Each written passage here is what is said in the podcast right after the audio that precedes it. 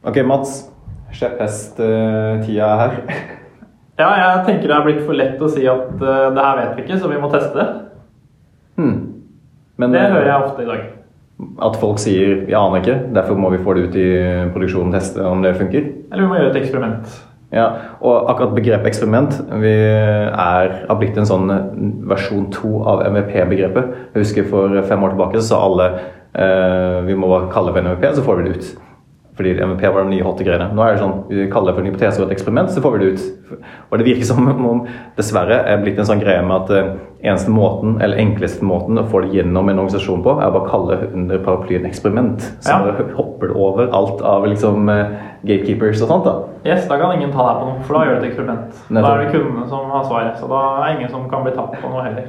Men jeg tenker at det er eh, holdt på å si, den pragmatiske, det pragmatiske svaret til spørsmålet ditt om hvorfor folk kaller det for Jeg sier jeg aner ikke hvordan eh, Eller jeg klarer ikke å lære meg internt, så derfor må jeg få det ut. Jeg tenker at det er den pragmatiske løsningen her, at vi bare kaller det for et eksperiment for å få det gjennom eh, drift og liksom, merkevare og kommunikasjon osv. Absolutt. Og det er, hvis man er en litt sånn tungrodd organisasjon hvor man ikke er vant til å jobbe med kontinuerlig leveranse eller kontinuerlig produktutvikling, så ser jeg absolutt det. Og det er jo det er jo, altså Jeg ser hvorfor man gjør det, men er, man skal fortsatt tenke seg litt om. fordi det koster jo noe å gjøre eksperimenter også. Mm. Altså du skal, du skal designe det og tenke ut hva er det vi egentlig vil finne ut, og hvordan skal vi liksom finne det ut, og så må vi kanskje bygge et eller annet som vi egentlig ikke skal bruke i den endelige løsningen, og så skal vi øh, drive trafikk inn til det eksperimentet, og så skal vi analysere det, og så skal vi danne oss et eller annet bilde, og hva lærte vi egentlig? Mm. Og hvis du da tester ting som er sånn helt ja, åpenbare, vil jeg si, at du kunne egentlig ha Altså det er ikke egentlig så stor risiko hvis du tenker eh, liksom, Hvis vi var en startup og gikk tom for penger om en måned, hadde vi fortsatt gjort det her eksperimentet? Er vi så usikre på det at vi fortsatt ville ha gjort det?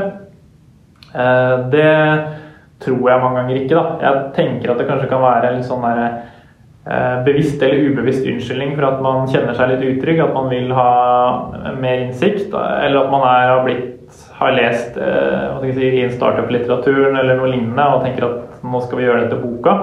Veldig sånn akademisk. Eller at man eh, ikke tør å satse på noe, eller man, det er vanskelig å navigere politisk i en organisasjon. Og det er lettere å pakke som du sa, da, ting inn som et eksperiment, for da sklir det gjennom alt av gatekeepers og, og vanlige kontrollmekanismer. Da. Det er spennende å se hvor lenge det varer i mange, mange år før folk liksom catch up og skjønner at det egentlig bare er en sånn eh, Trojan horse for å få det ting gjennom. Ja. Men jeg husker liksom fra av de første prosjektene jeg var med på, i sånn 2012-2013, så var det fortsatt en ringperm med kravspesifikasjon på, hos noen Hmm. eh, av kundene. Og da også på en måte testing opp etter denne kravspesifikasjonen brukerhistorie. Så det var jo veldig andre retningen. Men nå snakker vi jo om prosess, ikke sant? og hvordan man kan kalle det et eksperiment og få det gjennom, istedenfor f.eks. en tung ringperm. Um, men jeg tror det handler veldig mye om beslutningskultur. da. At man har kanskje tidligere vært rigga veldig mye mer sånn fra topp ned. Og hatt styringsgrupper og liksom Altså man har styrt denne utviklinga, da. Men det var jo en mye større endringskostnad tidligere. Og det var jo på en måte mye større risiko forbundet med å få ting ut sånn kjapt. Og så plutselig så ble endringskostnaden og altså, takten vi klarte å kode i og samordne oss i team, å få det ut mye raskere. Så kanskje vi har liksom begynt å springe så fort at vi liksom aldri vi, Det tar oss ikke helt tid til å tenke, da.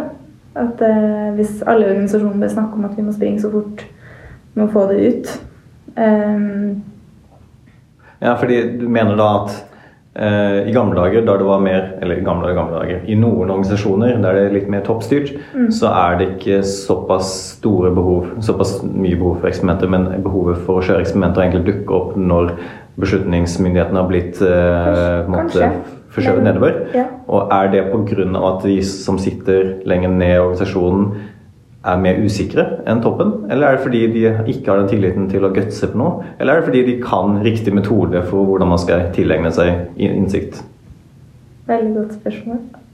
Det jeg tenker er at i type startup-land og kulturen hvor du, har, hvor du ikke har all bagasje fra tidligere, så er det der jeg syns eksperimentet gir mest mening, for da snakker man det i liksom, sin mest uforkludra form.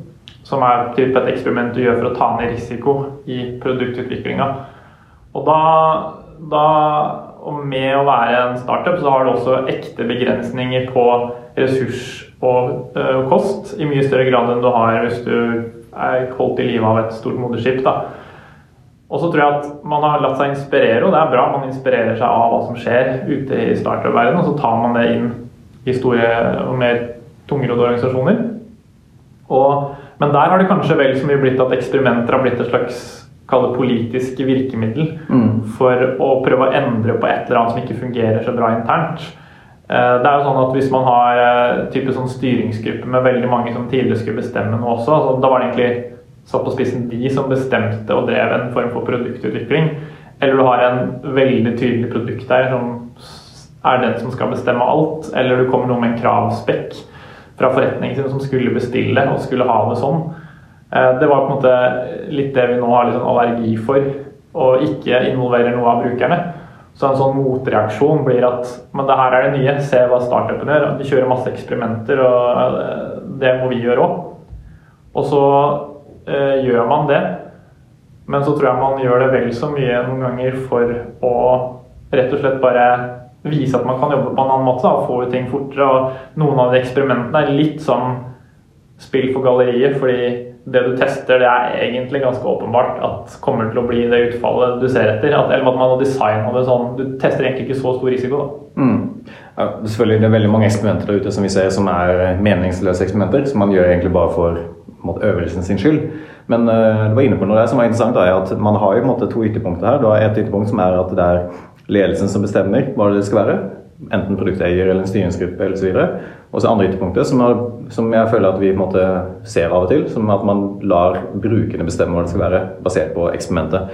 Det handler egentlig om at man har egentlig misforstått litt teorien med hvorfor vi gjør eksperimenter. Det handler ikke om å la brukeren bestemme, det handler om å skaffe innsikt slik at man har datagrunnlag for å la ledelse og de som kan produktet og merkevaren til å bestemme.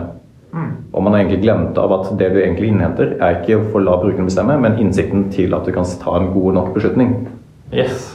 Og det er et kjempepoeng at man ikke bare Det er ikke en fasit som kommer tilbake fra den testen. Ikke sant? Det er ikke sånn at hvis den viser noe, da er det fasiten. Da må vi gjøre som brukerne sier. Mm. Det er jo input til Altså det er data inn til en produktutviklingsprosess. Og brukeren er på en måte én av mange faktorer til hvorfor du skal gjøre eller lage noe i produktet ditt. Da. Men hvis det går helt i konflikt med interne ting som f.eks. sikkerhet eller risiko eller eh, ting som ikke gir mening for den posisjonen du har tenkt å ta i markedet, så kan det godt hende at det er liksom det, altså det er bare én faktor. da. Mm. Det er vel kanskje det veldig mange store digitale virksomheter egentlig sliter med i dag. Da, å bli en sånn læringsorganisasjon. Hvordan styrer du egentlig en sånn her eksperimenterende produktteamorganisasjon? Mm. Hvordan organiserer du det? Og alle de her eksperimentene ja, Hvor kommer de ifra? Men så tilbake liksom til skjepphesten din om at vi tar for lett på det å gjøre eksperiment. Eller på en måte vi har et overslag av eh, eksperimentvilje, og at vi egentlig tror at vi ikke kan lære noe internt lenger og ikke bestemme noe selv lenger. Så er det egentlig kanskje to hovedgrunner til at vi gjør det. En hovedgrunn er jo at vi ønsker bare å få noe gjennom for å bevise at organisasjonen kan fungere på en annen måte. Egentlig gjøre det for øvelsens skyld, og den har en verdi i seg selv, selvfølgelig. Og den andre biten er at man, har, eh, man skal ikke glemme at Eller man skal huske at man skal kjøre eksperimenter for riktig formål, og det formålet er å hente innsikt, ikke for å delegere beslutning til brukere og kunder. Amen.